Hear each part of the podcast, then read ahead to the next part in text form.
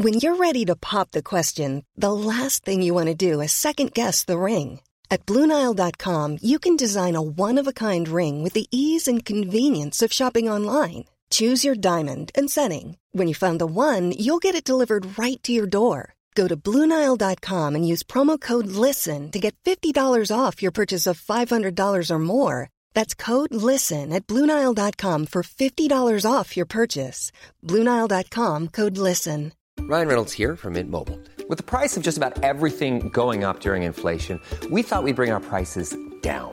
So to help us, we brought in a reverse auctioneer, which is apparently a thing. Mint Mobile unlimited premium wireless. Ready to get 30, 30, bit to get 30, bit to get 20, 20, 20, bit to get 20, 20, bit to get 15, 15, 15, 15 just 15 bucks a month. So, Give it a try at mintmobile.com slash switch. $45 upfront for three months plus taxes and fees. Promo rate for new customers for limited time. Unlimited more than 40 gigabytes per month. Slows. Full terms at mintmobile.com. Hey, it's Paige DeSorbo from Giggly Squad. High quality fashion without the price tag. Say hello to Quince. I'm snagging high-end essentials like cozy cashmere sweaters, sleek leather jackets, fine jewelry, and so much more. With Quince being 50 to 80% less than similar brands. And they partner with factories that prioritize safe, ethical, and responsible manufacturing. I love that. Luxury quality within reach. Go to quince.com slash style to get free shipping and 365 day returns on your next order. Quince.com slash style.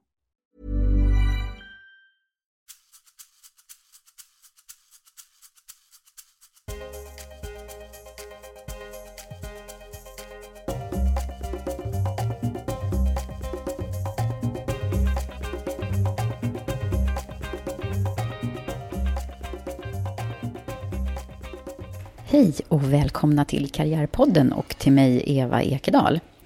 I det här avsnittet träffar jag Darja Isaksson. Hon är utsedd till eh, supertalang och superkommunikatör och är en av våra främsta strateger inom digitaliseringen. Hon sitter med i Stefan Löfvens innovationsråd och är rådgivare till Nordiska ministerrådet. Darja är grundare av den digitala byrån Siggy och eh, där hon tidigare var VD och numera strateg. Hon är utbildad ingenjör och har en bakgrund inom interaktionsdesign. Och från början säger hon att hon var verkligen en tekniknörd parat med ett stort intresse för design. Vårt samtal kommer förstås att handla om hennes tankar och erfarenheter kring företagande och ledarskap, och, men också många andra inspirerande tankar om livet. Innan vi startar vill jag tacka min samarbetspartner Manpower Group som gör det möjligt för oss att producera och sända Karriärpodden. Okej, är ni redo? Nu kör vi!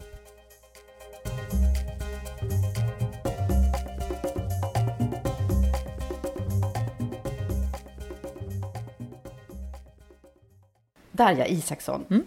hjärtligt välkommen till Karriärpodden. Tack. Vad kul att du är här. Det är superkul att vara här. Ja. Mm. Jag är så nyfiken på dig. Shoot. För vi, vi, vi pratades vid här lite innan vi satte på mikrofonerna och då frågade jag hur känd är du egentligen? Och då förstår jag ju att du är ju väldigt känd i den digitala världen, eller det vet vi ju. Ja. Men kanske inte alla vet vem du är. Nej, min bild är nog att jag är lite känd i den digitala världen och inte alls annars. Men idag var faktiskt första gången som, eller min frisör konstaterade att han hade sett mig i tidningen. Så det är väl något, det är lite nytt. Ja. Men det är ju inte så att jag blir stoppad på gatan. Nej, det är inte så. Du skriver inte det autografer hela det, dagarna. det är nog inte så många som vet vem jag är ändå. Det Nej. tror jag. Men en flitig anlitad talare. Ja. Talarforum Mm. och på andra sätt kan, man, kan man anlita dig, Mm. vet jag. Och jag hörde ju dig på Årets chefsgalan. Just det, där Eh, där du också var talare. Men nu ska ju det här handla om dig och din karriär framför Mm. allt. Eh, Även om du har mycket annat intressanta saker att nämna. Jag tror vi kommer komma in på det också. Men, men främst ska det handla om dig. Mm. Och hur du har kommit dit du är och hur, hur det har gått till helt enkelt. Ja, det blir intressant. Ja, Kanske. kanske. Ja, det tror jag att det kommer Ja. bli. Men liksom, vad, vad, om vi skulle börja... Vi kan väl börja från början? Kan vi inte göra det? Ja, vi kan börja från början. Eller ganska från början. Ja, Eh, och vad ska vi börja då? Jag Ja. heter Darja för att det var 70-tal och jag hade väldigt idealistiska föräldrar. Det har inget att göra med något annat påbrå sådär. Eh, så en mamma som läste en massa böcker och tyckte om konstiga namn och tyckte att man skulle vara ofärgad av människors fördomar. Fräsch ut i världen. Så lite så. Okej, 70-tals. så var kommer Darja ifrån? Liksom? Ehm, ja, det är fortfarande lite höljt i dunkel. Den storyn jag fick var att det fanns en kvinna i någon Dostojevskij-bok som bara kom in och försvann och hon var så mys- mystisk och spännande och carte blanche. Men i verkligheten så tror jag faktiskt att det finns en bitter och bedragen borgarfru i, i någon av de där klassikerna. Jaha. Men det var bara ett fint namn. ja. ja men det... Så, så började. Men Mm. jag är uppvuxen i Norrbotten i en lite jag arbetarklass. Kan man säga. Min morfar och min farfar jobbade i skogen. Men mina föräldrar var lite udda.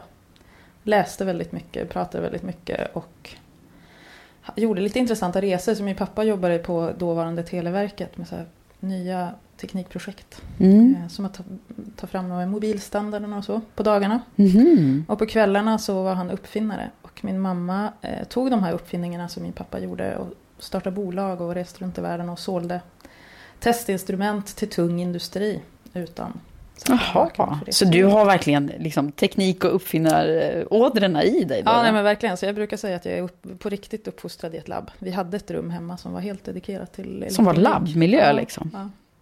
Så ville man umgås med min pappa då fick man programmera och leda kretskort och hänga där. Så då gjorde jag det. Okej, så apropå det här liksom, varför du har valt den där karriärvägen, det, det kanske finns en, en Det- naturlig förklaring? Ja, nej, det var väldigt tydligt. Och samtidigt så var jag ju, jag var ju en sån här bokmal, jag var lite äventyrlig, jag ville gärna ha äventyr och springa ut i skogen och leka detektiv. Eller jag, sak, jag längtade efter de här sakerna och så gillade jag väldigt mycket att eh, läsa och rita och överhuvudtaget uttrycka mig. Så jag tror att det var mycket som gjorde att jag hamnade i eh, olika former av internet och design och samhällsdiskussioner. Det Mm, föll lite på plats. du gjorde det, ja. Mm. Men hur, hur resonerar du då när du skulle välja skolväg och så?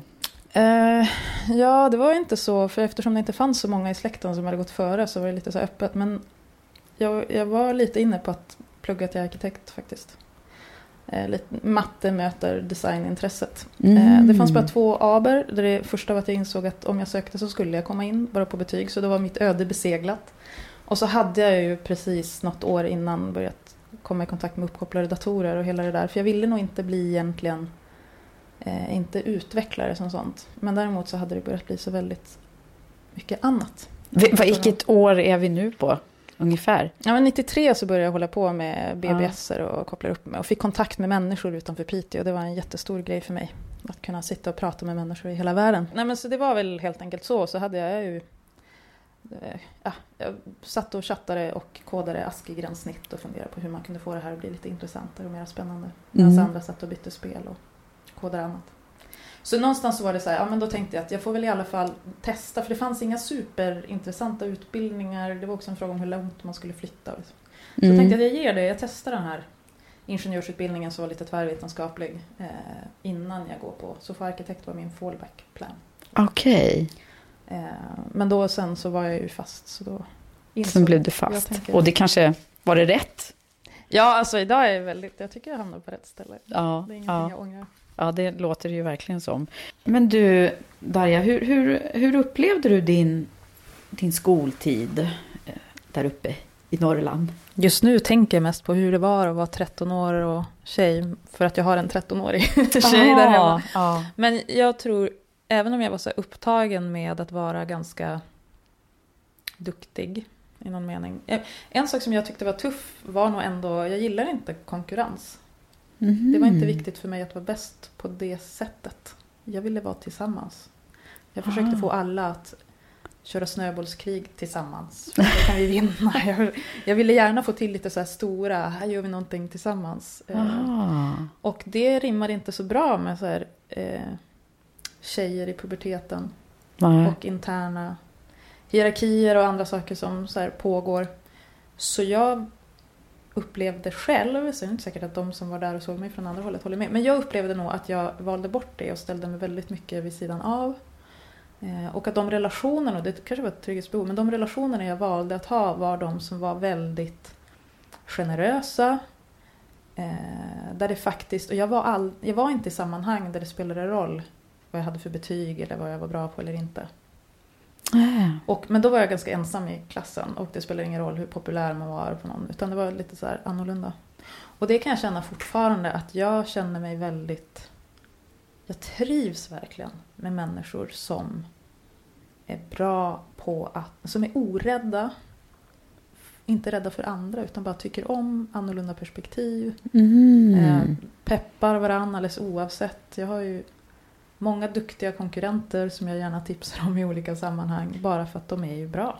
Eh, Ah, ja, så du har inte alls det här liksom en- men konkurrenstävlingsperspektivet? jo, men jag vill gärna, det är viktigt för mig att, att, att göra någonting bra själv. Men Mm. jag sätter väl kanske inte riktigt i relation till. Jag tror att det finns plats för alla. Och jag tror att ju mer alla vi gör bra grejer, desto bättre blir det. Så jag har Mm. väldigt svårt att se det som ett nollsummespel. Mm. Så jag har svårt att se det som dåligt. Nu jobbar jag ju också i ett område som så växer i betydelse. På vilket sätt skulle det vara dåligt för mig? Jag ser det mer som... Och så det satte jag ganska tidigt i jobbsammanhang. Ju fler vi är som jobbar åt samma håll, desto större skillnad kommer det att göra. Ja, Och det gillar ju jag. just det. Många tillsammans. Många. Mm. Mera tempo, bättre Så här, lag, lagarbetet. Ja, men Ja. så. Och kanske gärna ganska ostyrigt. Vi måste ju inte vara synkroniserade och liksom Nej. gå under samma general. Alla får vara vi, olika. Ändå, vi kan ändå driva åt samma håll. Ja. Mm. Och sen Men det, kommer det därifrån sko, från din...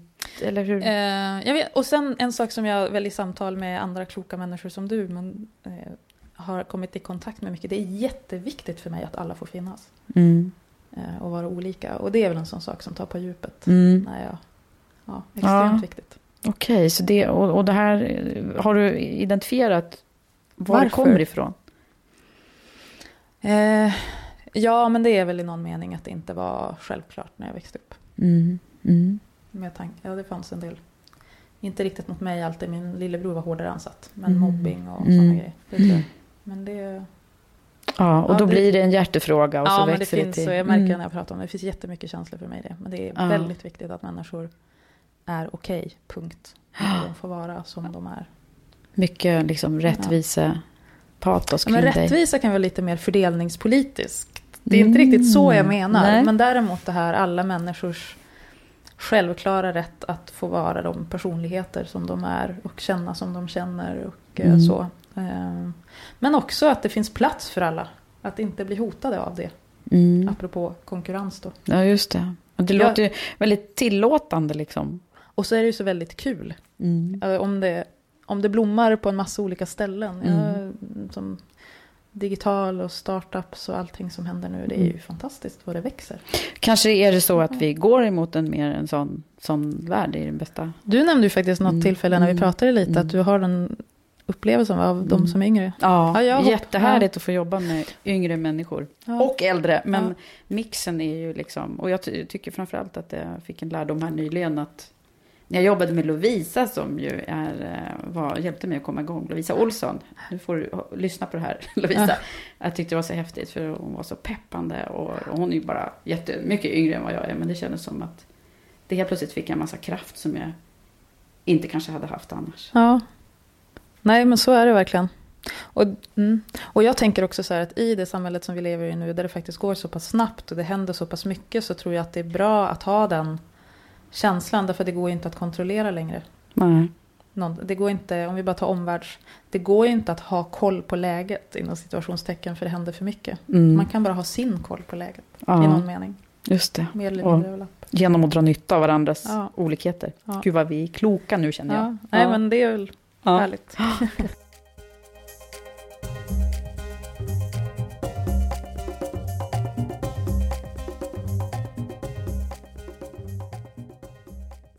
Men alltså, då, då, vad blev det studierna då? då?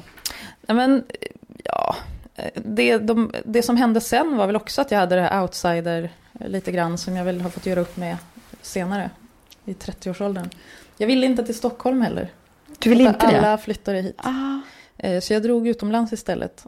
Och, direkt då eh, alltså? Ja, efter att jag hade pluggat. Ah. Så jag åkte till Zürich. För där ville jag vara, för jag tänkte att där fanns det både spännande jobb och så kunde man ha nära till Alperna.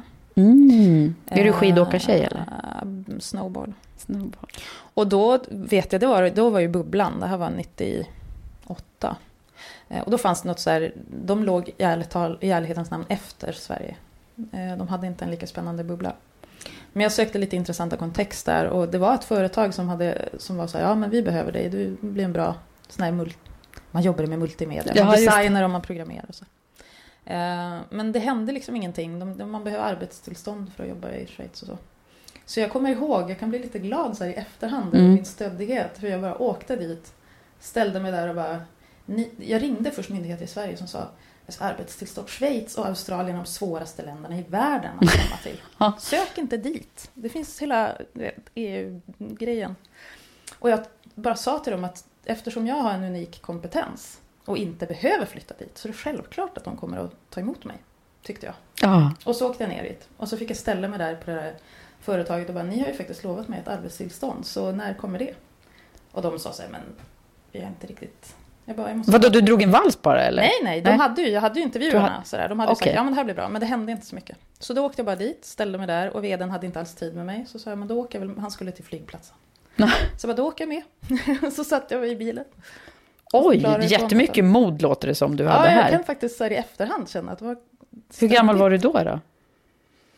Då var jag väl 22. Ah. Är Skulle du göra det samma sak idag? Det, jag jag vet inte om jag riktigt visste det då heller. Ibland kanske. Eller ja, jag vet inte om jag... I efterhand så ser jag väl för mer av vad det var än vad jag gjorde just då. Mm. Men är du en modig person? Ehm, vilken bra fråga. På vissa sätt är jag det. Inte alla kanske. Jag är modig i bemärkelsen att jag har lätt för att stå för vad jag tycker. Och jag har också lätt för att erkänna att jag har fel. När jag har fel. Ja, okej, det är också tycker mod. jag. Mm. Det beror på vad man lägger, i begreppet såklart. Ja, men jag Ja. tycker det är roligt. Jag tycker till och med att det är roligt att få ändra på mig. Men jag tycker också jag mår bra av att få vara ärlig och tydlig. Ja. jag. Ja. Vad häftigt det låter som Schweiz. Det blev, blev liksom första jobbet där nere då, eller? Ja, och då var jag, så där nere var det ganska experimentellt. Ehm, jag jobbar med något modeföretag som syns här emellanåt nu också. Och då var det, för min egen del, då jobbade jag mest på nätterna med det jag tyckte inte var, var intressant. Och det var mycket experimenterande med mötet mellan musik, klubbande och digitala upplevelser. Och det var ju verkligen i sin linda då. Mm. Eh, Men så här streaming och hur kan vi få människor som tittar på det här och bidrar med sin, sitt videomaterial och sitt visuella material och hur kan vi använda det på plats för att skapa något. Så samma interaktion mellan människor och liksom hur kan vi skapa ett annan slags kontext. Eh, tyckte Mm. jag var superintressant. Mm. Och du var ju Så var- verkligen tidigt ute då.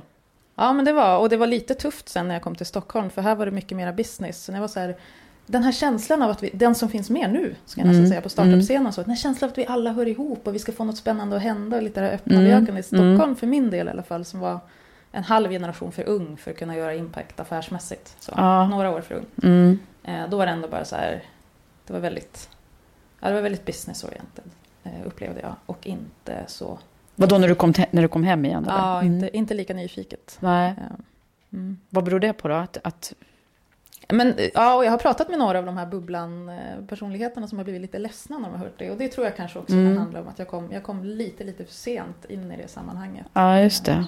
Jag Mm. tror inte det behöver ha varit så. Nej. Hur länge var du borta i Schweiz? Nästan, ja, typ tre år. Ja, det var ju länge. Så du pratar vad då för språk? Nej usch, mina svärföräldrar som jag då hade, de ville att jag skulle prata det. Jag, om jag försöker prata tyska så blir det en horribel eh, mischmasch av tyska och schweizertyska och Ah, engelska. Nej, Okej. Nej. Tyvärr. Det är inget du kan falla tillbaka på sådär då? Nej, en av sakerna jag ångrar. Mm. Vadå? Att du inte... Att jag inte tog språk, ja men det ser jag nu också när vi Mm. anställer människor som kommer från Mm. andra länder. Att det är så här, första året, antingen tar du det här jättejobbiga, att tappa din humor, man kan ju inte uttrycka sig, Nej. att bli den här socialt jobbiga personen. Mm. Du tar det första året eller så blir det inte av.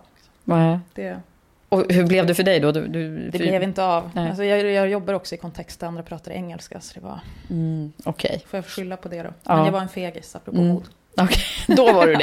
Ja. Då var du det. Men Ja. inte från början där, låter det som. Nej men jag är så här, modig på vissa grejer inte på alla. Ja. Mm. Eftersom uttrycka mig är viktigt så blev det väldigt tufft att eh, inte kunna göra det så bra. ja. Hur hamnade du sen då, när du kom tillbaka till Stockholm? Eh, Vad Ja. hände då? Ja, men då För klippte... då kom du till Stockholm i alla fall. Ja, jag kom till Stockholm. Ja, men det var ju också för att... Ja, vad ska jag säga? Men eh, då klippte jag mig och skaffade mig ett jobb. Hamnade på ett konsultföretag. Där andra som jag kände hade sålt sin byrå till det här bolaget och jag ville jobba med dem. Mm. Eh, och kom ju precis innan bubblan, Mm. kraschen kan man säga. Okej, så du hann in där. Jag hann in där. Och sen, eh, men när den vek, och då hade jag hamnat i ett kontext med några av dem som var först i Sverige med att jobba med interaktionsdesign och så här användardrivna processer för Mm. utveckling. Och de var ju äldre och mer erfarna än jag hade gjort det ett tag. Mm. Eh, Och de var väldigt, de hade ganska tydliga mål med vad de ville åstadkomma i IT-Sverige som det var då. Ja, just det. Eh, Och sko- de skolade upp mig, skulle man kunna säga. Va- Var det, var det. Vad var det för typ av skolning då? Eh, nej men behovet av att, eh, vi startade faktiskt ett företag tillsammans sedan 2002, men det var ju behovet av att förstå att om vi vill uppnå vissa affärsmässiga mål med någon form av digital eller IT-lösning, eh, så kommer vi bara att nå dem om vi förstår kontextet där det här ska användas. Och vi kommer också bara nå dem om vi har en bra eh, designprocess i grunden, därför att annars blir kvaliteten på det vi gör så dålig, så att det ger andra effekter. Mm. Inne. Nu har jag en för detta kollega, Jonas Söderström, som har skrivit den här boken Jävla skitsystem. Jaha. Som verkligen visar på kostnaderna, Mm. både ur ett mänskligt perspektiv och ett affärsmässigt perspektiv. Av både ökande komplexitet och dåligt designade system i allmänhet. Så det där var ju, då var vi på barrikaderna 2002 för Ja. att driva dem. Eh, Det som idag har blivit user experience och sen också gifts ihop med tjänstedesignsperspektivet. Okej. Som ju nu faktiskt är, vad ska jag säga, ett paradigm som kommer att påverka, tror jag, hur vi gör policy. Stifta Mm. lagar och hur vi överhuvudtaget ser på samhället. Så ni var liksom tidigt ute även där då? Ja men det var ett bra, Mm. det var verkligen ett bra spår att hamna i. Ja. Och sen är det klart att tankarna då inte var lika mogna som de är idag. Men det var i alla fall ett eh, väldigt... Men hur utvecklades idag, du här då? då? Idag släpper ju McKinsey rapporter som visar hur, Ja, hur det. viktigt det är för lönsamhet och tillväxt och så. Så det är, det är toppen och jättebra. Hur utvecklades jag i det? Ehm, nej men dels så fick jag ju rent hantverksmässigt, det där området var då bra coachning och så. Men det viktigaste var väl egentligen att det blev lite så att det här var så inte efterfrågat när bubblan sprack. Så att det blev lite av en grej för oss att bevisa att det här behövs eh, och att det var affärskritiskt. Så vi startade ett bolag med det på agendan. Som var, hade affärsidén, vadå? Som hade affärsidén att eh, jobba med de kunderna, att utbilda Sverige, om man säger så, IT-Sverige och eh, kund för kund får man säga den hårda vägen. Jaha, ja. eh, I ett bättre sätt att jobba på. Ehm, och också att göra det I via processerna föreläsningar. Ja. kring utveckling då eller? Och också att göra det via föreläsningar och utbildningar och Mm. sådana grejer. Och det det betydde för mig var väl bland annat att eh, då fick jag börja min... Jag, jag fick ta över som vd där när jag var 28. Precis, var det, då, blev du, det var första chefsjobbet eller? Det var första chefsjobb. Då blev du vd på en gång. Ja, ja. så är det när man kör sina egna bolag. Nej, men, vi var väl inte jättemånga när jag tog över som vd. Jag tror att vi kanske var ja, men någonstans mellan 10 och 15 personer. Mm. Men sen växte vi ganska snabbt, så vi dubblade ganska många gånger. Så när jag, och sen när jag pausade vid något tillfälle vd-jobbet för att jag var föräldraledig och gjorde en annan grej. Men vi växte ändå upp till en 80 personer. Och lite tufft så var vi på tre geografiskt. Vi hade tre kontor från början. Mm. Jag inte rekommenderar någon att börja så. Nej, så tre så kontor så, tre och kontor. 80 pers, eller vad sa du? Ja, på slutet. Men vi Ja. var även när vi var 15 så var vi tre kontor. Eh, Okej, Och behövde liksom mm. få ihop det. Så det var väl... Då fick du fick testa jag, på det. Då fick jag öva. Mm. Ja. Så här nu då, när när du får tid att reflektera här i, i samtalet med mig. Vad, vad, hur var det då? då? Hur, hur var du som ledare då? Eh, utöver stressad. Ja. Ehm, ja, jag, jag kommer ihåg att en sak som var lite, det var två saker som var tuffa i början. Det ena var att jag faktiskt fick ta i någon sån här obehaglig grej som kanske de andra inte riktigt, någon uppsägning och sådär som Mm. låg och skvalpade. Mm. Eh, och dessutom personer som var mycket mer seniora än jag. Så Ja. det var, och jag vet också att den ledningsgruppen som vi ändå hade, jag var inte så här, inte 110-procentigt eh, välkommen. Äh, Okej, så Bara. det fick du också känna på? Så det fick jag också Mm. känna på. Konkurrens och...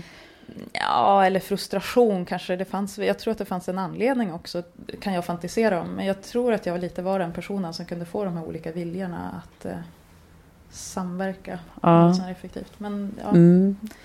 så... Var det det som gjorde att du blev vald? Jag eller? tror det. Mm. det tror jag. Eller blev du vald? Eller hur Ja, gick det jo, men till? det blev jag ju av Mm. ägarna. Så. Ja, Så.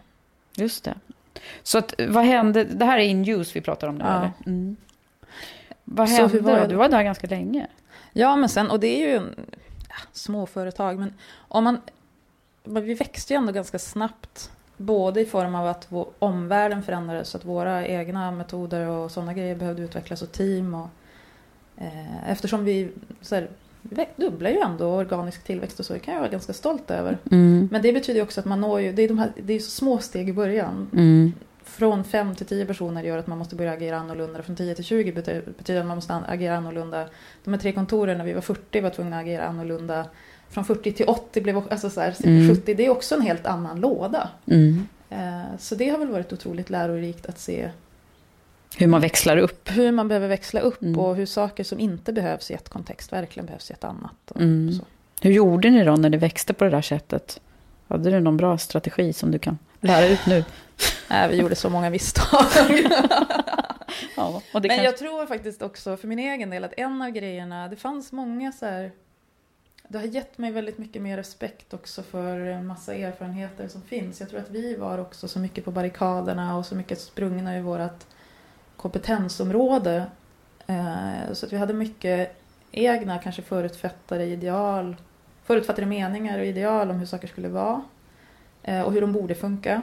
Eh, Och det var en väldigt, så tänk som kanske som anställd, som jag kan känna igen Mm. idag hos anställda i vissa sammanhang, inte bara hos mig utan i stora organisationer. Mm. Som man lite den hårda vägen fick göra upp med när man Ja, insåg just att det det. funkar inte riktigt. Nej, Eh, Så, nej. så har varit... Så vad hände med dig här då under den här perioden? Eller rättare sagt efter. Eh, Varför bytte du? Ja, varför bytte jag? Men det var ju också helt... Jag kan säga så här att jag tycker väl att eh, ja, men världen utvecklades ju mycket av det som vi hade haft gemensamt och som vi ville med det bolaget hade ju någon mening uppfyllts. Vi drevs ju inte i första hand av, av, av att växa som sånt eller så. Det var ju andra saker. Mm. Ehm, men ja, och så... Så jag blev sugen på att göra en annan typ av byrå. Och ehm, det andra som hände var att den här, vi hade jobbat en del med till exempel mobiltelefonutveckling och produkt i både Ikea och Sony och så produktbolag. Och jag har ju min bakgrund som kommer lite grann ur elektronik. Och då började ju det här med internet möta den här fysiska världen. Så helt Mm. plötsligt blev det väldigt spännande och vi hade fått jobba med bolags värdeerbjudanden. Det blev så tydligt att nu är det på väg en ny våg Ja. av digitalisering som kommer att påverka ännu mer. Och då blev jag sugen på att göra något med en annan Som handlade om det. Ja, Mm. och som handlar lite mindre om metod och arbetssätt kanske. Och, med, och ironiskt nog så jobbar vi ändå ganska mycket med det nu för det är verkligen viktigare än någonsin. ja. men, eh, ja, men lite annorlunda så här kasta loss grejen. Och eh, ja, Så då startade du Sig. Sigge, då startade jag Sigge. 2000, alltså 2009 när jag var föräldraledig så kom jag fram till att jag ville göra någonting annorlunda. Ja, du fick det. Alltså Ja. den här föräldraledigheten är väl spännande. Det, då händer det, lite för många grejer. kan jag tänka mig. Ja, men det tror jag. Det, Ja. det är också den här tiden, stunden, när man faktiskt har tid att, att fundera lite Ja. över. Jag hade jättekul under min föräldraledighet. Jag jobbade väldigt mycket. Okej, det är det man inte Jag hade, ska göra. nej, jag hade ett, eh, jo men jag var också ledig. Men jag hade ett labb faktiskt. Dit jag drog in ett fantastiskt, inser jag också nu i efterhand, vilket fantastiskt team av studenter. Och det var också så här, vad studenter verkligen kan leverera. Men vi, eh, Mhm. vi gjorde världens första sociala elmätare, har jag kommit fram till. Som en sån hårdvara mäter. Och lärde oss jättemycket, både av projektet som sånt, men jag var, nej det var mycket. Vad sa du? Sociala elmätare? Ja. Utan att fördjupa oss i vad en sån gör. Nej, det- för mig ja, men blir det rocket dig som science, men- konsument lite mera koll på, är du bra eller dålig just nu? Det här var ju länge sedan. Jaha. Din energikonsumtion jämfört med andra och hur ligger du till jämfört med hur det brukar vara och med hänsyn taget till klimatet, temperaturen, säsongen. Ah, ja. Eh, Men framför allt så var det ju också, det var väldigt lustfyllt att vara så hands-on. Mm. eh, Och kul att jobba med- med Och studenter. Mm. Kul att jobba med studenter och ah, jag blev sugen på bara. Och tyckte också att det fanns affärsmässiga Mm. anledningar förstås. Mm. Så. Så, så vad var lärdomen då under, under föräldraledigheten? Vad kom, vad, Men vad var lärdomen? Nej men det var väl mer bara att jag började, läng- det var att jag började längta efter att göra en liten annan grej. Sen Ja. tog det ett tag, alltså att det ska mogna och det är lite tufft när man... Jag hade ju vuxit upp med mitt bolag kan man säga. Mm. Kom överens, gör det på ett sätt som känns bra. Som funkar. Det tog ett tag och, och ta sig ur? Ja. Mm. Eh, och sen så var ju det en, en ganska och tuff för många. Men det betyder ju att Siggy startade inte helt från noll. Utan det blev lite Stockholms verksamheten som jag inte hade varit. Jag hade ju jobbat från Malmö. Eh, och varit faktiskt minst i Stockholm. Okej. Eh, och så kommer vi upp och lite vill använda Stockholmsverksamheten som en bas för en annan typ av affär. Mm. Så då gick vi dessutom in i en ganska rejäl förändringsresa. Plus att vi kastade loss från varumärket och bara försvann från alla kunders radar, skulle man kunna säga, förutom de vi redan hade kontakt med. Okej, Så det, var ju en, en stor galen förändring affärsmässig risk, kan man säga. som du gav dig in i då. Ja. Ja. Eh, och också att man de facto, alltså det är en sån stor förändring så man kickar ju in en verksamhet i kris. Vad då kicka in? Hur, hur menar du?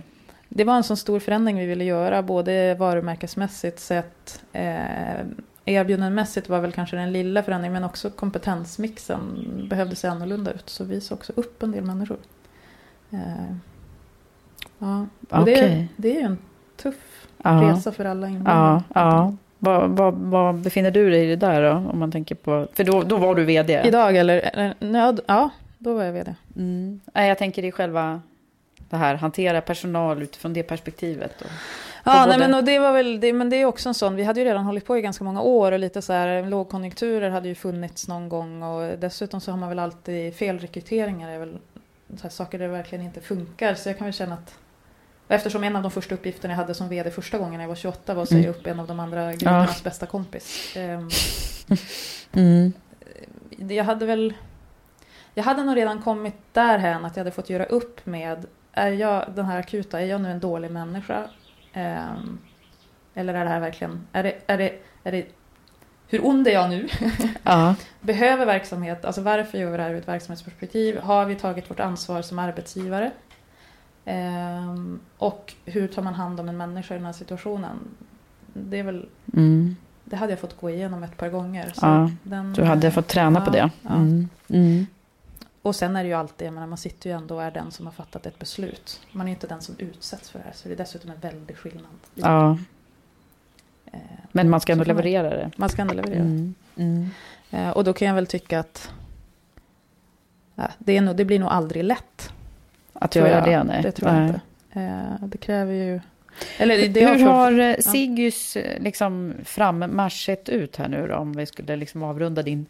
Ja, nej men så det har väl varit... Eh, det första var ju bara resan att komma därhän att kunna göra det. Det andra var att göra själva omställningen. Och nu är vi i ett läge där vi lite skördar det vi har gjort. Det börjar, så, skulle, och så har vi man vill ju hela tiden, det finns ju en, redan uttalat från början utan att gå in alldeles för mycket, så finns det ändå en, en ganska uttalad riktning som kräver nog ett par år till innan Mm. vi är i närheten av det vi verkligen vill. Eh, Men jag är nöjd och glad med att jag tycker vi har tagit ett par bra kliv på vägen. Och Ja, det hur många år är det nu då som Vi startade 2012. 2012? Mm. Eh, Så nu ser vi, vi hade en uttalare hur vi ville förflytta, vilken typ av kunder vi jobbar med, vilken typ av erbjudanden vi gör hos dem. Och där ska jag säga att jag tycker att vi har gjort ganska stora eh, förflyttningar. Det känns Mm. bra. Mm. Men, det finns Men jag såg på er webb där att ni, det var, ni har fått något pris som...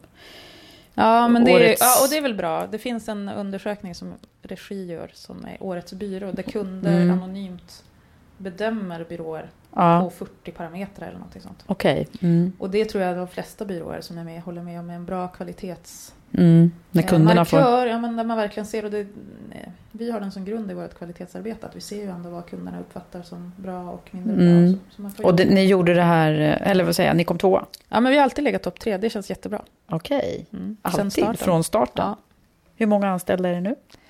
det var en bra fråga, men 30 någonting. 30 någonting. Mm. Mm. Men det har ju hänt lite med din egen resa här då. Du var Ja. vd där och grundare och så. Ja. Mm. Nej, och nu, ja så den ena, det som har hänt för min egen, men vad ska man säga, nu, ja nu är jag ju fortfarande grundare, men jag är inte längre vd. Nej, grundare kan man aldrig ta bort. Liksom. Det, Ja. ja. Eh, Så vad ska jag säga om det? Nej men egentligen så var det väl inte svårare än att jag tittade på vad är Siggys nästa kliv? Eh, Och med lite erfarenheten i ryggen, vad är det som är viktigt för att det ska bli av? Att det ska funka bra. Mm. Eh, Och då kände jag att då vore det bra för Siggy med en annan VD. Eh, Som har lite starkare styrkor där jag har mina svagheter och ett driv på att göra just de grejerna som behövs. Så jag är Mm. superglad att Shanna valde att gå från Google till oss. Ja. Det är mycket, mycket bra. Just det. Och så längtade jag också efter att ha... Så nu har det Men du är fortfarande kvar. Jag är fortfarande kvar. Mm. Ja. Men det betyder Och vad gör du nu då? då? Så nu lägger jag... Ja, men dels så jobbar jag ju med kunder i deras digitala transformation. Att förstå den. Vad skulle deras erbjudande kunna vara? Hur behöver de förändra sitt arbete? En del konsult. Mm. Eh, men en annan, ja och så, såklart, eh, Sigge behöver ju utvecklas. Så det är inte som att jag är borta från det. Men det är mer i rollen i styrelsearbetet. Ja. Eh, Men sen så lägger jag ju tid på annat. Alltså nu är jag rådgivare till Nordiska ministerrådet. Eh, Just det. med Vinnova. Och, vilket var inte planerat men spännande att få vara med i Löfvens innovationsråd. Så det betyder att nu lägger jag också en hel del av min arbetstid på. Mm. Så när anlitar man dig? Det är Nordiska ministerråd, det låter ju jättestort. Det är liksom de, de stora penseldragen om hur vi ska utvecklas Ja, digitalt, eller vad? Ja, men faktiskt. Alltså den frågan som det här... Nu, jag är alltså en av rådgivarna till Nordiska ministerrådet. Där det handlar om eh, vilka gemensamma saker kan nordiska länder göra för att främja digital utveckling i de här länderna. Så tittar man lite på de olika och hjälper till att bedöma dem och prioritera bland dem och så. Gud, det är ju jättebra att de tar, att de tar hjälp av proffs som dig då. då. Ja, men sen, och det är ju jätte... Det är väldigt kul av den enkla Mm. anledningen att det är ju ett stort intresse för mig. Mm. Eh, vad, vi kan, vad det här betyder för samhället. Hur- kommer det där sig, det här intresset? Det är ju jättefascinerande. Det, är, det, är det framtids... Eller vad är det som driver Men ditt jag intresse? vet inte, men delvis var väl det där med uppväxten att det var väldigt mycket diskussioner hemma omkring hur ser samhället ut och varför och vad är det som funkar och inte och, vad, och Ja. så vidare. Eh, så att det hade väl kunnat vara någon alternativ karriär, hade kanske varit mer och sånt. Men, och den andra saken är att ända sedan jag mötte internet så har det varit en sån grundövertygelse hos mig. Att det här ändrar förutsättningarna för mänsklig samexistens och då menar jag inte att underdriva. Mm. Eh, Därför att det påverkar så mycket hur vi når varandra, hur vi samarbetar, hur vi delar kunskap. Alltså allt, det betyder Mm. hur vi producerar, distribuerar, marknadsför. Ja, det gör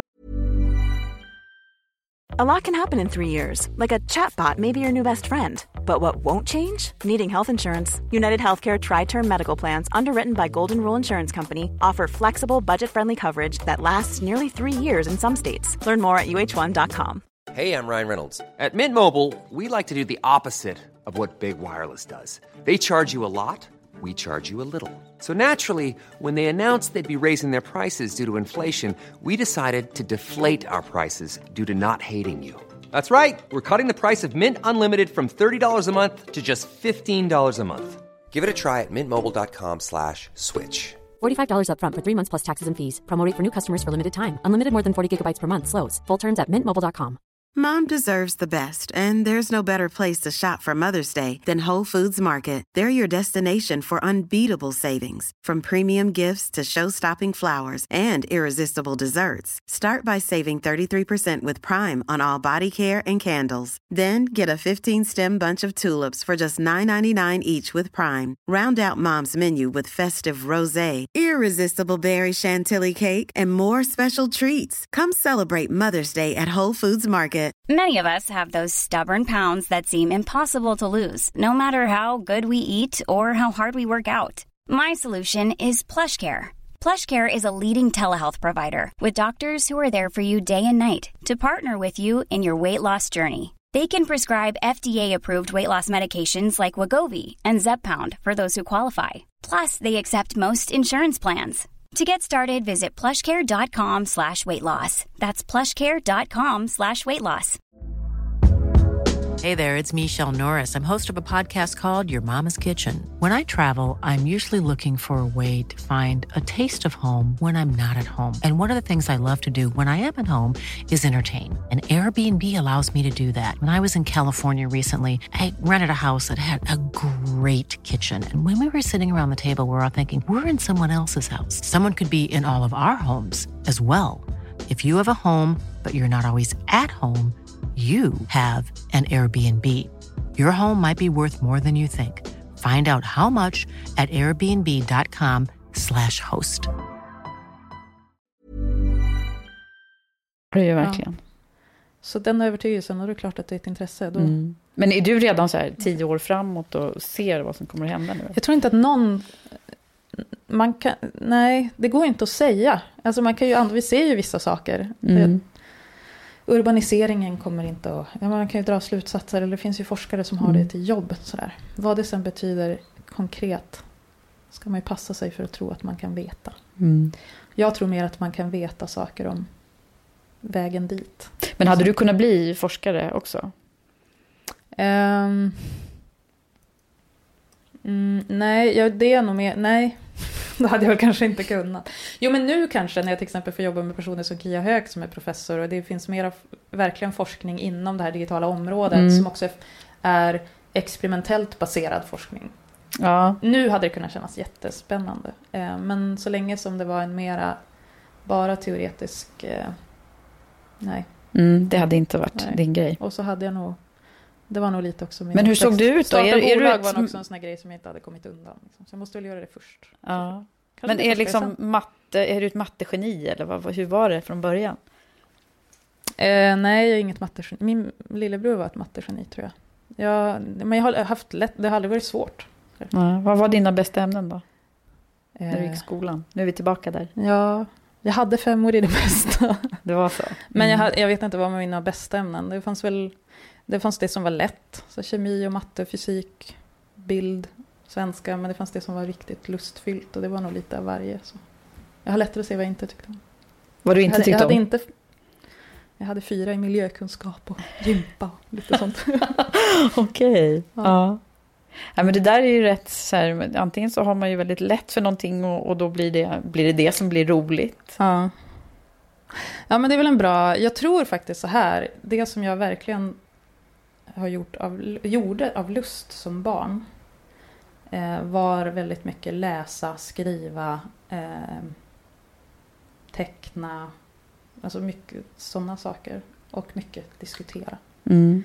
Och det som jag fick inympat och som jag därmed lärde mig behärska och tycka var kul Mm. var fysik, elektronik, Mm. programmering. Men det hade nog inte, en annan familj hade nog inte de kommit lika. Så det var ju mötet som gjorde Just det, det, det låter ju verkligen som det, Ja. eh, de två Ja. sakerna som du Ja. också har. Och det ser jag också nu med unga. Det är, det, det är därför som man pratar om makerrörelsen. Men den här lusten som man kan få genom erfarenheten av att kunna skapa någonting själv. Mm. Det, det tror jag lockar, Mm. väcker något hos många. Just det. Men sen, sen eh, tänker jag också, eh, det finns vissa som, som då är väldigt roade av teknisk utveckling men som också är roade av filosofi. Ja. Är det så för dig? Ja, och det, hade, men det är ju så, och också är det så roligt att lära sig saker. Som jag kan få sitta på ett seminarium och lyssna på professorer eller bara få läsa rapporter eller något så tycker jag att det är fantastiskt. Mm. Så det är nyfikenheten Så jag- att lära dig mera? Ja, ja.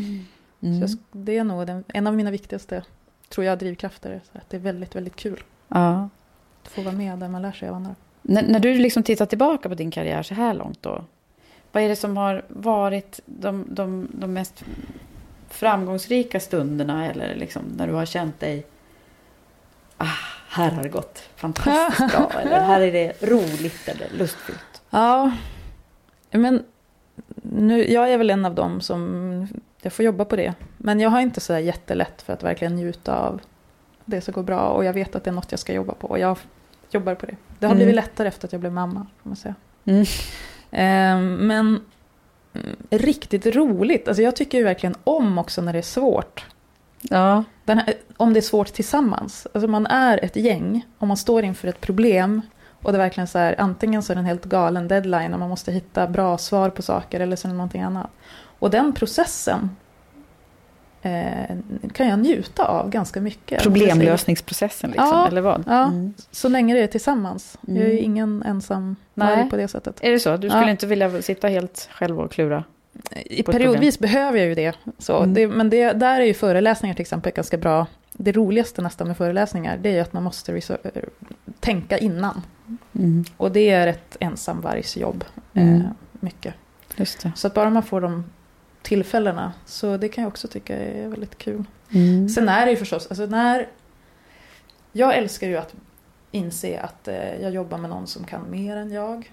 Alltså så här, när team kommer tillbaka och gjort något jättebra och man bara inser de har ju rätt, det här hade jag inte alls tänkt på. Det tycker jag är jättekul. Mm. Ehm, Så det finns mycket som är roligt. Ja. Och det, Ja. jag har lätt för att tycka att saker är roliga. Är det så? Ja, särskilt om de är lite svåra och knöliga. Är det så man ser på dig, tror du, runt omkring dig? De som har jobbat nära dig? Um, ja, vilken bra fråga. De, det jag har fått höra många gånger så att jag ändå accepterar det är att, ehm, att jag bidrar liksom inspiration och eh, vision och entusiasm. Mm. Eh, och så vet jag att jag är ju inte, eftersom jag inte är så rädd för att ha fel, Ja, så kan jag liksom känna Mm. lite lust i det där. Det var någon du intervjuade tidigare som sa att hon trivs i gråzoner. Mm. Och jag älskar gråzoner också. Därför att då finns det ju ett utrymme att så här, skaffa sin egen uppfattning och testa den. Mm. Just det. Eh, Så mycket så. Och så är jag nog inte... Jag tycker det är svårt att vara... Jag kan uppfatta men jag kan tycka det är svårt om man ska bena ut och så ska man göra någon annan trygg att det verkligen det är så här det är. Gör det här så blir det inte fel. I ärlighetens namn så tycker jag det kan ju alltid bli fel. Jaha, att liksom tala om för någon så här är det? Är det det ja som men är du svårt? vet, ju tydligare svar på någonting, om det nu inte är någon sån här enkel grej som... Ja, vad det nu skulle vara. Men om det är en sån här problemlösning eller man behöver hitta vad är rätt och fel att göra här. Eh, Mhm, Okej, Ja. så du är inne i den här liksom, den nya pedagogiken eh, som, som väl råder nu, tror jag, i skolorna Ja. och så. Ja. Tidigt, tidigt när Ja. man ska forska fram allting och liksom ha den här experimentella Ja, synen på, ja, på lärande också. Kanske. Nu är jag ju inte i skolvärlden så mycket själv. Nej. Men så, ja, det, kan Det, låter som, Ja. jag träffade en person som jag hoppas kommer att komma i podden här framöver, som är i skolans värld. Och, och hon pratade Mm. mycket om att vi, framförallt i Sverige, Mm. har mycket av den. Mm. Ja, nej men så det, men på det temat, jag kan väl känna för min egen del så här, att det är ganska eh, entusiasmera och visa vägen i breda drag och Mm. Det är också roligt när man ser att man har haft rätt. Det är ju kul, att Mm. få check på att man har jobbat på något i några år och att det börjar Att det bli som man hade grejer. tänkt sig och det börjar Mm. ge resultat. Så det är det roliga med att ha bolag också, Mm. att man, det händer något konkret där. Eh, och sen kan jag känna mig trygg i de här riktigt tuffa lägena när det är så mänskliga möten som kräver väldigt mycket. Har jag landat i. Så att om man har om man är närvarande och med där och liksom på något sätt jordad så Mm. går det bra. Mm, Eh, okej. Det blir värdigt och det blir ärligt och det funkar. Mm. Däremellan är ju hela vardagen. Mm, just det. Och det är lite svårare. Ja, hur får du ihop det då? Nej, jag vet inte. Nej. Jag jobbar på det. Ja. Som alla andra. Eller ja, finns nog många som har hunnit längre. Men jag är ju Mm. mitt i det. Tre barn och Ja, det är tre barn. livspussel och jobb. Hur gamla är barnen? Fyra och ett halvt, snart sju och tretton. Mm. Okej. Och så, Mm. vad gör mannen? Eh, han jobbar faktiskt med mig. Vi startade det här företaget tillsammans. Mhm. Så vi träffades på jobbet. Kärlek på jobbet? Ja. Och fortfarande då kärlek på jobbet? Ja, 12 år senare. Vi gifte oss nyss. Vi har varit ihop i 12 år. Ja. Mm. Men du, vad häftigt. Och så ni jobbar fortfarande ihop? Det gör vi. Men vi jobbar ju inte så ofta i samma projekt. Nej. Inte av val, utan mer Att det blir så kompetensmässigt, Mm, ja, eller vad? Ja, Mm. så vi har lite företagandet som babies. Ytterligare Ja. en baby. Ja, så är det väl. Jaha, vad coolt. Det är inte alla som kan eh, jobba ihop med sin partner. Nej, och jag tror att det är lite så här, antingen så älskar man det eller så vill man inte alls göra det. Eh, Jag har nog alltid, men det kanske handlar om mina föräldrar, men jag har alltid gillat de här, eh, inte vet jag, jag vet att jag på, när jag var tonåring och läste om Modernisterna som var ett så här litet gäng som Mm. bestämde sig för att göra skillnad. Jag blev galet inspirerad av det.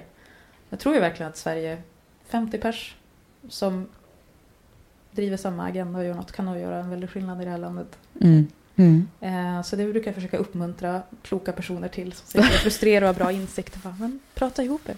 Ja. Eh, Så det har jag alltid gillat, det här arbetets gemenskap. Tid. Men hur gör går det Och till även hemma par. då? Kan ni liksom, pratar ni jobb dygnet runt eller Eh, stänger ni nej. av ibland? Eller? Ja, men vi har nog haft perioder när vi har pratat lite mera dygnet runt. Också andra. eh, Men det, nej, det gör vi inte. Och det är inte heller så att information överförs genom osmos. Alltså det har vi fått förklara för alla medarbetare. just att det. anta inte. Ni kan inte utgå. Det funkar inte så. Nej. Vi pratar inte om det här igen när vi är hemma. Vi har ungar och tvätt och disk och Mm. Just det, speciellt när du var vd då. Ja, lite så. Mm. Mm. Så att, det är klart vi pratar om jobbet, men inte, inte så mycket. Nej. Nej. Men Darja, när du tänker tillbaka på, nu, nu var det där positiva stunder och vi har ju också varit med om stunder när det är lite tuffare och rent personligt eller, eller av andra händelser och så. Vad, vad har hänt i, i ditt liv där du har lärt dig någonting eller där det liksom har...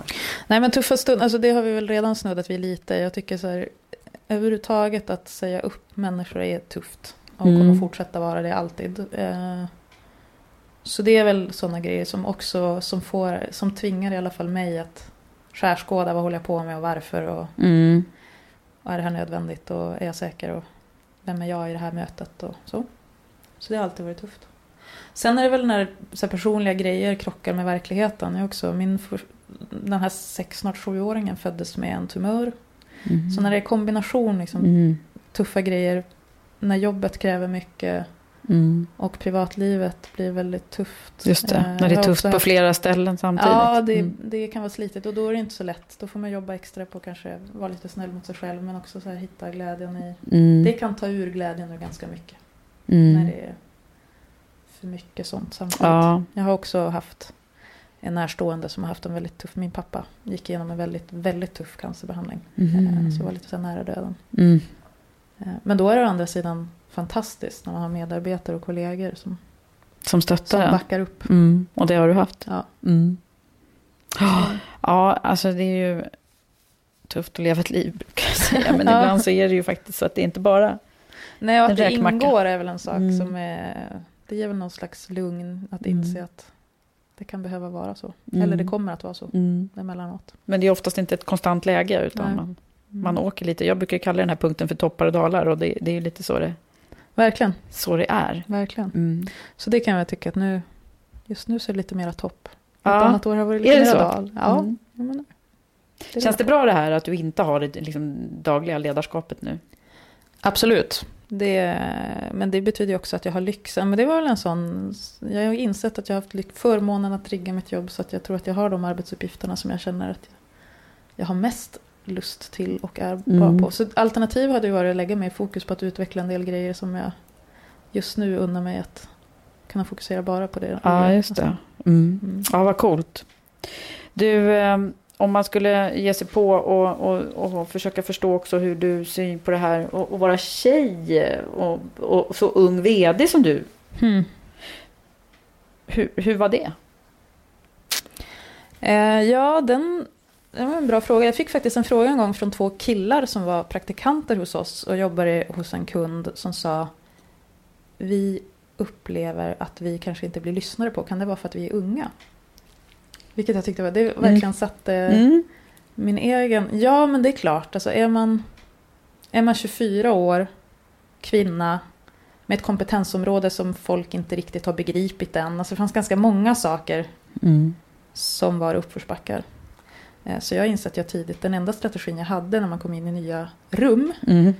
det var ju snart tänker jag säga någonting som visar att jag har någonting att tillföra här. Mm. Jag kommer att ta den platsen.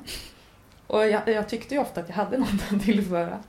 Eh, Men att det var en sån viktig del, alltså, så att det till och med automatiserades efter ett tag. Så här behöver man göra när man kommer in i ett nytt sammanhang. Ah. Och att det var snarare en ögonöppnare nu när jag börjar vara, ja, nu är jag 39. Att nu är jag så gammal. Eller hur ska uttrycka det? Nu utgår människor ifrån att jag har något att säga. Så att nu kanske jag snarare behöver hålla tillbaka lite grann ibland. Och det var en intressant. Ja. Men så det, det, ja men den där underdog-grejen på något sätt internaliseras. Så att Mm. den nästan blir osynlig ett tag. Mm. Samtidigt som jag menar techvärlden på det sättet har varit ganska tacksamt. Eh, Men har du dragit en, liksom, fördelar av att vara tjej, tror du? Ja, det tror jag. Därför att man sticker ut. Mm. Eh, och då uppmärksammas man ju. Hur var det när du, när du pluggade? Var du ensam tjej då, eller? Nej, inte, i, eh, inte på den eftersom det här var en lite tvärvetenskaplig utbildning. Men, Ja, just det. jag- Vad, vad hette utbildningen som du... men det var ju på en tekniksida så det, var ju, det är klart att det inte var så många Nej. tjejer. Nej. Och särskilt inte som eh, var systemadministratörer och nördade ner sig i Unix. Och jag gjorde en del sådana grejer där det inte fanns andra Mm. tjejer Mm. alls. Och sen så eh, ska vi prata om hur är det att vara utnämnd till supertalang som du blev utnämnd till av Veckans Affärer. Var, när var det? 2013? Ja, Mm. Nej, jag vet inte. Det är väl konstigt och roligt. Men ja, nej, vad ska jag säga? Var, var det något Det- specifikt som, som, som gjorde att du fick den utmärkelsen? Jag vet inte. Faktiskt. Nej. Jag tror att det är lite också... Nej, jag vet inte. Du var bara en Mm. supertalang. Nej, men jag vet inte hur de beslutsprocesserna Nej. ser ut. Eh, riktigt. Men det är ju, de har nog ganska många namn och så sen så har de väl grundprinciper. Det ska väl vara... Nej, här är mina fantasier. Vi måste ju fråga dem. Jag bara inbillar mig att det måste vara en mix på bransch, kön, bakgrund, vad man har gjort, Ja, och sen att det var, åldrar. som och sagt var framtidsscenario som du Ja, har blivit specialist på på något sätt. Ja. Eh, men eh, är det inte någon mer utmärkelse också? Är det super... Nej, jag var nog någon bubblare på någon kommunikatör, superkommunikatör. Just det. Lista. Superkommunikatör också. Ja, Vad häftigt. men- Få ha en supertalang och superkommunikatör Ja, det är fina, fina namn på listorna. Nej, men det är ju jättegulligt. Jag kan väl i och för sig tänka så här också att det är sådana saker som hjälper en. Jag tänker som på Magnus Höj på IDG, Mm. som jag på inget sätt... Som är min före detta kollega. Ja, ser Ja. på. Mm. Nej, men jag gick fram till honom en gång, och, eh, för ganska många år sedan nu, och sa hej, jag skulle vilja prata om Internet of Things på webbdagarna. Det skulle jag göra bra. Och då sa han, toppen, klart du ska göra det. Ja. Och så fick jag göra det, och den, det var faktiskt en bra, det var nog egentligen början på att jag började ha mer, lite tyngre talaruppdrag. Så han har ju verkligen hjälpt mig på det Mm. sättet, inte för att vi hade någon jättemycket kontakt i övrigt. Men Mm. det är Vad roligt. såna- Magnus är en fantast, fantastisk person. Ja, men Mm. verkligen. Mm. Nej, men så sådana saker, apropå de här listorna, att man får väl... Det är ju toppen när de som är etablerade på olika sätt så här puffar och syn. Ja, men som du gör med det här till exempel. Mm, Det gör ju mm. väldigt skillnad Mm. för alla de människorna som får den Mm. Och man får också kanske lite syn på både din profession och det du, Ja. det du pratar om, så att Och det säga. tycker jag är toppen. Ja, Mm. ja. ja, men det här med kvinnor och jämställdhet då, hur är din syn på det? Ja, men det är väl enkelt. Alltså kvinnor är halva begåvningsreserven, så det är väl dumt att inte tappa in i den. Mm. Och fortsätta kvotera män verkar ju onödigt. Ja, Men jag vet inte, man kan ju diskutera hur mycket det är ett övergående fenomen apropå trender i både utbildning och, och sådana grejer. Nej. Eh, Det finns ju andra som är mer insatta. Men för min egen del så har jag väl insett att jag är ju mera... När vi, vi har alltid haft i de bolag jag har jobbat med 50-50 policy. I bolaget som helhet, i ledning, i styrelser, Mm. allting. Och, det, och det är ändå tech vi jobbar med. och ni har lyckats med det också? Absolut. Mm. Det har inte varit svårt. Nej, så är det, varför är det så svårt då? Eller liksom, varför har andra så svårt? Jag vet inte. Det får du fråga dem. Ja, men, Men, jag, tänker ja, men också... jag tänker att det kanske handlar om nätverk. För idag så hamnar jag ju lite i en situation, om jag ska rekommendera så inser jag hur snabbt det blir många kvinnor på mina listor. Och det är inget med flit. Nej. Så jag jobbar ju med motsatsen. Jag, om jag ska rekommendera så ser jag till att kvotera in män så att jag har en 50 Så att det blir 50-50, ja. ja. För vad då? För du har så många tjejer som du har jobbat med som är bra, eller vad är det? Ja, typ, tycker jag. Ja. Sen är det klart att jag har jobbat med jättemånga duktiga män också. Ja, Mm. ja. Det är inte det det handlar om, men Nej. vi har ju ett bekymmer här. Och, och framförallt med återväxten ju fortfarande. Men jag gjorde också en reflektion, för det var några år sedan. Det var, eh, dels är det det här vad som händer när man börjar upptäcka att människor i ens egen ålder sitter på beslutspositioner och har mandat och pengar och sånt. Det var några år sedan. Mm. Det började vara många år sedan. Men jag kommer ihåg första gången det var en kvinna som var säg tio år äldre än mig som på riktigt inne i en kund. Jag kände så här, men det här kändes nästan konstigt. Kommer vi att få jobba med den här spännande kunden för att hon tyckte lite att jag var bra som person? Eh, Och för det klickade så bra, vi hade så mycket Mm. gemensamt. Och det Mm. var verkligen, vi hade många alltså gemensamma intressen och syn på vad man borde göra och sådär. Så det var väl inget konstigt. Men det väckte ändå, det var en sån ovan känsla. Den här igenkänningen eller speglingen Ja. i en sån affärsmässig relation. Så att jag ändå gick med den känslan, men var det här riktigt okej? Och då minns jag att en äldre kollega till mig, hon bara mentalt smällde mig på kinden och bara så här är det ju för männen hela tiden. Det var, det var inte så att vi gjorde något konstigt, det var ju bara igenkänningen och Ah. speglingen. I, inte vet jag, Mm. hade snuddat vid mammarollen eller vad det nu var. Att, att liksom göra upp med det. Att så här Ja. är det ju hela tiden, att det känns som, ah där är du. En och jag känner igen mig liksom. så Ja. tydligt. Ja. Ja. Eh, Ja. Och det var ovant första gångerna Mm. som det hände. ja, för del. intressant. Jag var ju van att vara den där outsidern, tjejen, yngre. Ja, jag är ju trygg i de där Ja, helmanliga Mm. sammanhangen på Ja. något sätt. Mm. Ja, vad häftigt. Jo, men det där är ju viktiga Ja, grejer att ja. landa i, det tror jag. Ja, nu kommer vi in på det här området som jag brukar kalla för tipsstunden, tipsrundan. Mm. Så att eh, nu tänkte jag att du skulle få ge lite chansen här nu och, och utifrån liksom dina lärdomar hittills, vad är det för tips och råd som du vill ge till framförallt till tjejer i karriären? Ja, men en sak som jag tycker är viktig är ju att vara, eh, våga uttala tydligt till den personen som har makten att göra något åt det. Oavsett om det är vilket jobb man vill ha, roll man vill ha, vad man tycker borde hända på företaget. Att ganska tydligt formulera vad det är, man- hur man tycker att någonting ska vara. Och väldigt gärna med vinkeln, det här är hur jag skulle kunna bidra ditåt. Just det. Att ta det samtalet. typ extremt det här Magnus. Höj-grejen som du gjorde då. Ja, Mm. som jag inte alls gjort till. Men det var ju, jag gjorde det och det funkade. Jag borde lära mig mer om mig själv på det sättet. Ja. det kan man göra. Men det tror jag har ett väldigt stort värde. Mm. Eh, och jag vet ju att de flesta ledare, de kloka ledare, uppskattar ju verkligen det. Mm. Vad är bättre än ett konkret, bra formulerad det här skulle behöva göras och jag kan bidra till det på det här sättet. Just det är det. ju toppen. Mm. Eh, sen tänker jag också när man så väljer, andra har ju uttryckt det bättre, jag tänker på Sheryl Sandbergs Lean In. Men jag kan tänka välj, det första är att välja kontext utifrån vilket sammanhang man vill vara i. Och då tänker jag vilken slags miljö, vilken slags, vilken slags ändamål vill man jobba med. Mm. Inte kanske bara vad man själv ska göra, utan också välja sammanhanget väldigt mycket. Var Just det, inte man- bara själva uppgiften Nej. utan sammanhanget. Ja men verkligen, är det ett sammanhang där man vill vara? Och då blir ju nästa fråga så här, men i det, om man då vet vad man själv skulle vilja bidra med, har man vet, ha, får man bra förutsättningar? Har man check på båda dem så är man ju oftast i ett jättebra sammanhang. Mm. Och det handlar ju ganska lite tror jag om alltså titel, men det kan ju handla desto mer om faktiskt mandat, budget, men också vilken chef man har och vilka andra som finns där, men inte minst var, var är det här företaget i allmänhet på väg? Mm. Just det. Eller det här sammanhanget, Mm. vad handlar det om? Men Mm. har man valt på lust så funkar det ju bättre även när det inte är bara kul. Mm. Just det. Har man valt på plikt så brukar det bli så mycket tuffare Ja. när det inte Mm. klickar. Och sen så tänker jag också, eller något som jag försöker förhålla mig till, att istället för att tänka jättelångt och extrapolera, det här bra för mig på tio års sikt? Mm. Är du osäker, ge en deadline, så timeboxa, det här får ta ett år av mitt liv. Eh, och sen omvärderar jag. Inte, se, inte se det så himla långsiktigt Nej, allting. så behöver man inte Nej. noja över det. För det är många av de här besluten som man gör, tror jag, är Mm. mycket mindre allvarliga än vad man tror. Mm. Det kanske är viktigare Mm. att Kanske våga hoppa på det där och köra våga det hoppa tag. på det, kör det ett tag och sen eh, om, säg då när du ska omvärdera och noja inte över under tiden för mycket. Nej, Inte omvärdera varje dag, eh, tror jag. Nej men kanske det så är här, klokt där tror jag. Halvår eller Ja. år eller vad du nu behöver. Liksom. Bra där Darja, det där Mm. tror jag är sånt som man behöver höra. Ja, jag, Alla, i, i, alla olika åldrar. jag försöker hålla mig Stunder sane. i livet. Ja. Ja.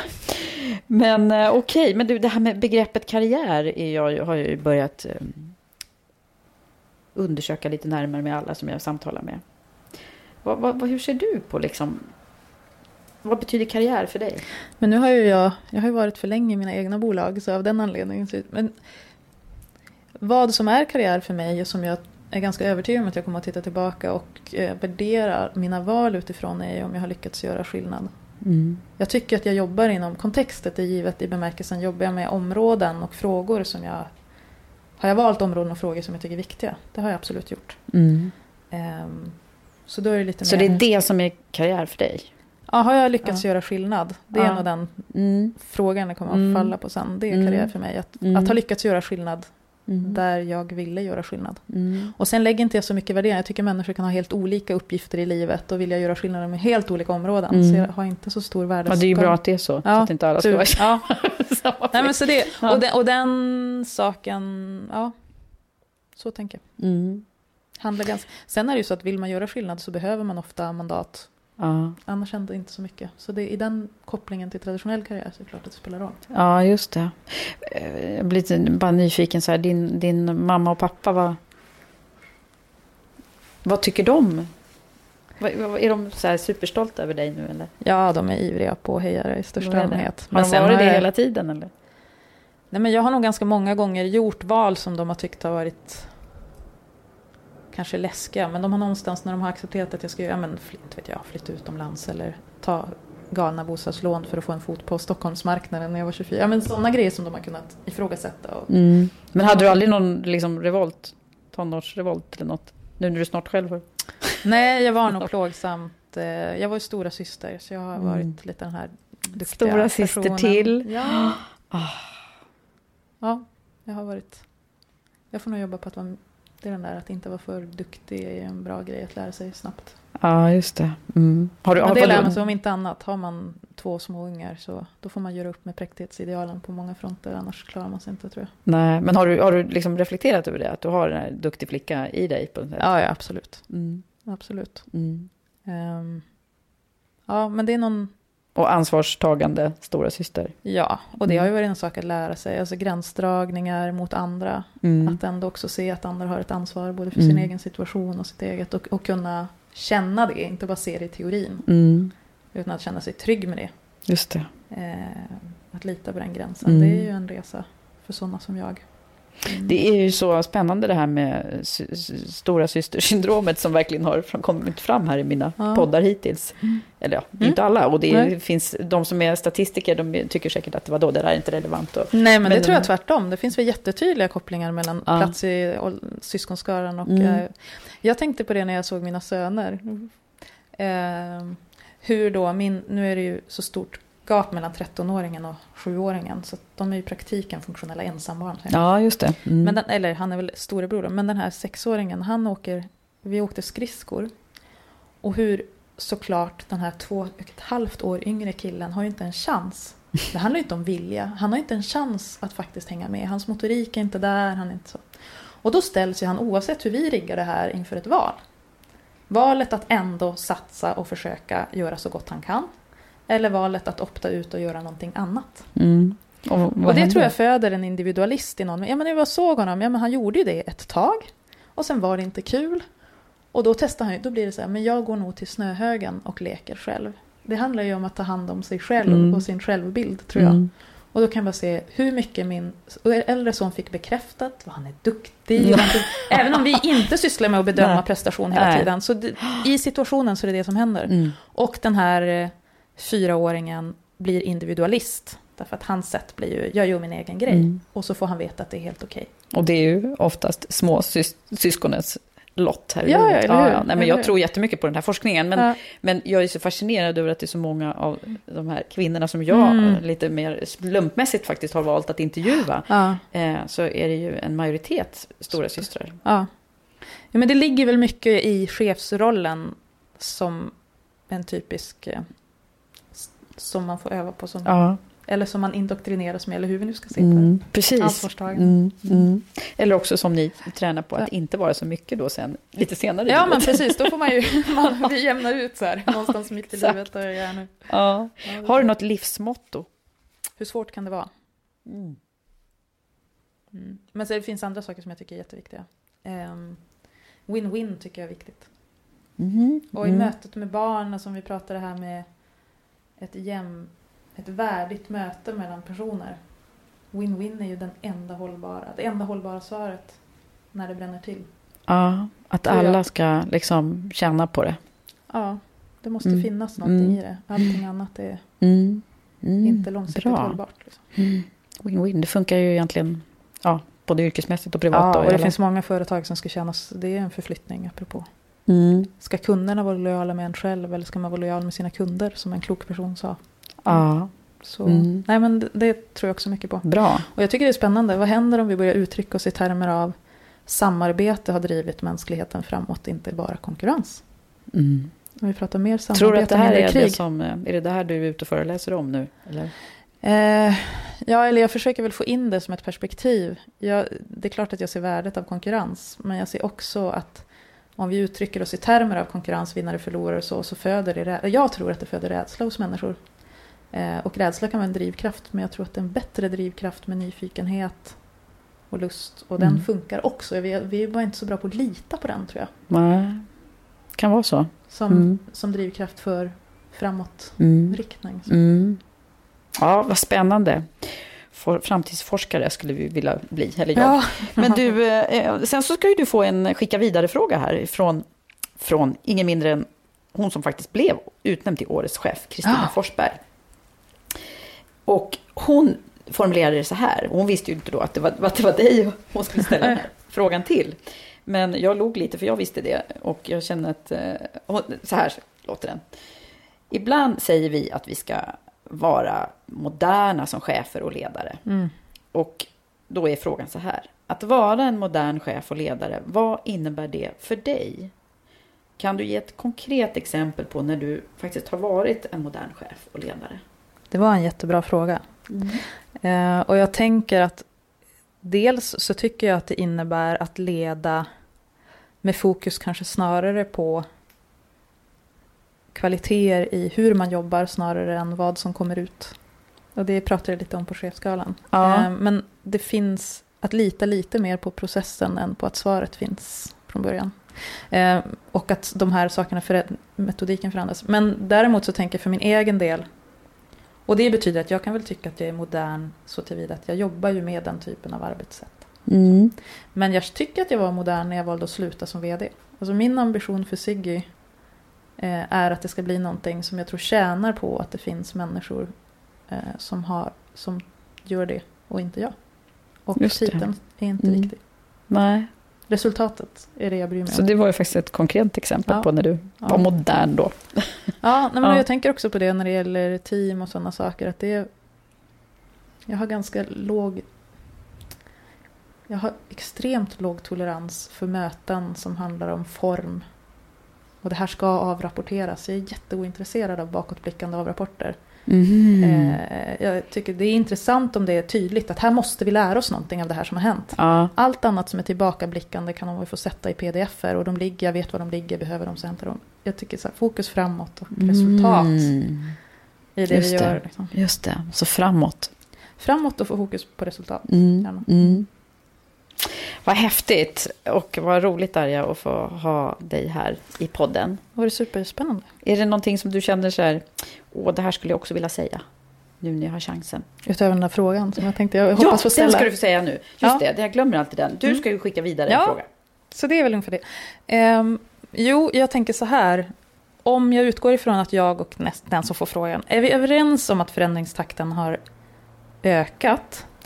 Vilka, vad betyder det konkret för dig i ditt ledarskap? Förändringstakten ökar i organisationerna. I hela samhället och i därmed i organisationen. Mm. Och det beror på, jag vet inte vem jag ställer Nej. till, en HR-chef eller en säljchef eller en VD. Men vad betyder det konkret för dig i ditt ledarskap att det är så? Hur, hur hanterar du det? Mm. Just Har det. du smarta verktyg eller Mm. har det ändrat tankesätt någonstans? eller? Mm. Vad spännande. Då får vi se vad du, vad du får för svar där. Ja, så kommer jag behöva lyssna på alla. Ja, precis. Det kommer du behöva Ja. göra. Det kommer jag Ja. gärna göra. Ja. Är det någonting mer som du tror att vi, vi skulle behöva ha med? Eh, ja, nej, jag kan väl tycka att jag har... Jag tycker nog att jag har fått ur mig Det du det vill säga? mesta. Ja. Ja. ja, vad härligt. Tack så jättemycket för att du har tagit dig tid att vara här hos mig. ja, tack för att jag fick komma. Det var superspännande.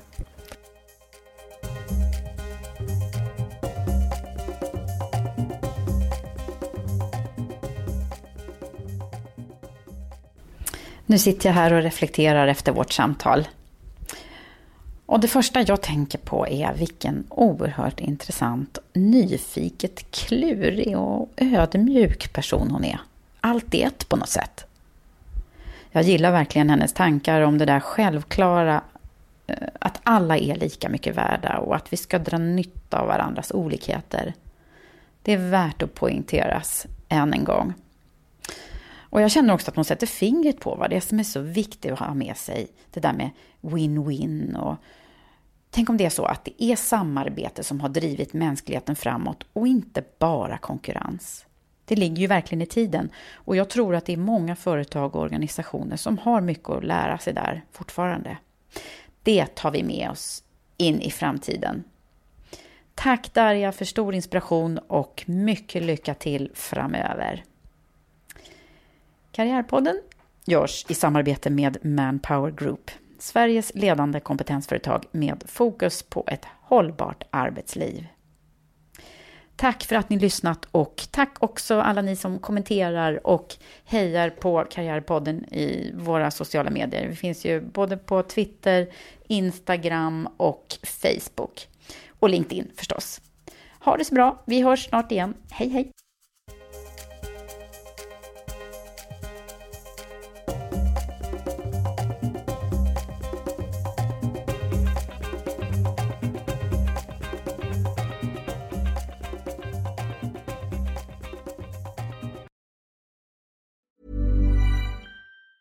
Hi, I'm Daniel, founder of Pretty Litter. Did you know cats tend to hide symptoms of sickness and pain? I learned this the hard way after losing my cat, Gingy. So I created Pretty Litter, a health monitoring litter that helps detect early signs of illness by changing colors, saving you money and potentially your cat's life. Pretty Litter is veterinarian developed, and it's the easiest way to keep tabs on your fur baby's health right at home. Go to prettylitter.com and use code ACAST for 20% off your first order and a free cat toy. Terms and conditions apply. See site for details. Planning for your next trip? Elevate your travel style with Quince. Quince has all the jet setting essentials you'll want for your next getaway, like European linen, premium luggage options, buttery soft Italian leather bags, and so much more. And is all priced at 50 to 80% less than similar brands. Plus, Quince only works with factories that use safe and ethical manufacturing practices. Pack your bags with high-quality essentials you'll be wearing for vacations to come with Quince. Go to quince.com slash pack for free shipping and 365-day returns. Mom deserves the best, and there's no better place to shop for Mother's Day than Whole Foods Market. They're your destination for unbeatable savings, from premium gifts to show-stopping flowers and irresistible desserts. Start by saving 33% with Prime on all body care and candles. Then get a 15-stem bunch of tulips for just $9.99 each with Prime. Round out Mom's menu with festive rosé, irresistible berry chantilly cake, and more special treats. Come celebrate Mother's Day at Whole Foods Market.